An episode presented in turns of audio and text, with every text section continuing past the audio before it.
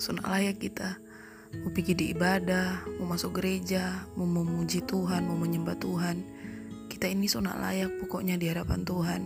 Kita pedosa ini terlalu besar kita pedosa ini terlalu banyak. Pokoknya kita so nak layak di hadapan hadirat Tuhan. Apakah great people pernah berasa begini?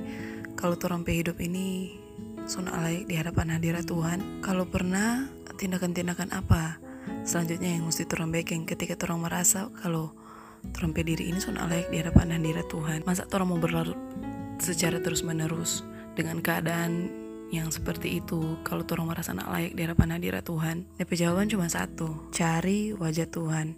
Dalam bilangan pasalnya yang ke-6 ayatnya yang ke-25 di sana dikatakan Tuhan menyinari engkau dengan wajahnya dan memberi engkau kasih karunia Kenapa orang mesti cari wajah Tuhan? Karena di wajah Tuhan itu ada kasih karunia. Orang yang senantiasa bertemu dengan Tuhan akan melihat wajah Tuhan, akan mendapat kasih karunia, yang berasal daripada Tuhan. Orang-orang yang mendapat kasih karunia ini yang berasal daripada Tuhan akan senantiasa merasakan kasih Tuhan, akan senantiasa merasakan pemulihan, bahkan orang merasa orang dosa-dosa itu diampuni oleh Tuhan. Kalau orang mungkin saja di hari ini orang rasa orang hidup nak layak karena orang dosa itu terlalu besar, mungkin orang minta-minta ampun, mar tetap orang bekeng.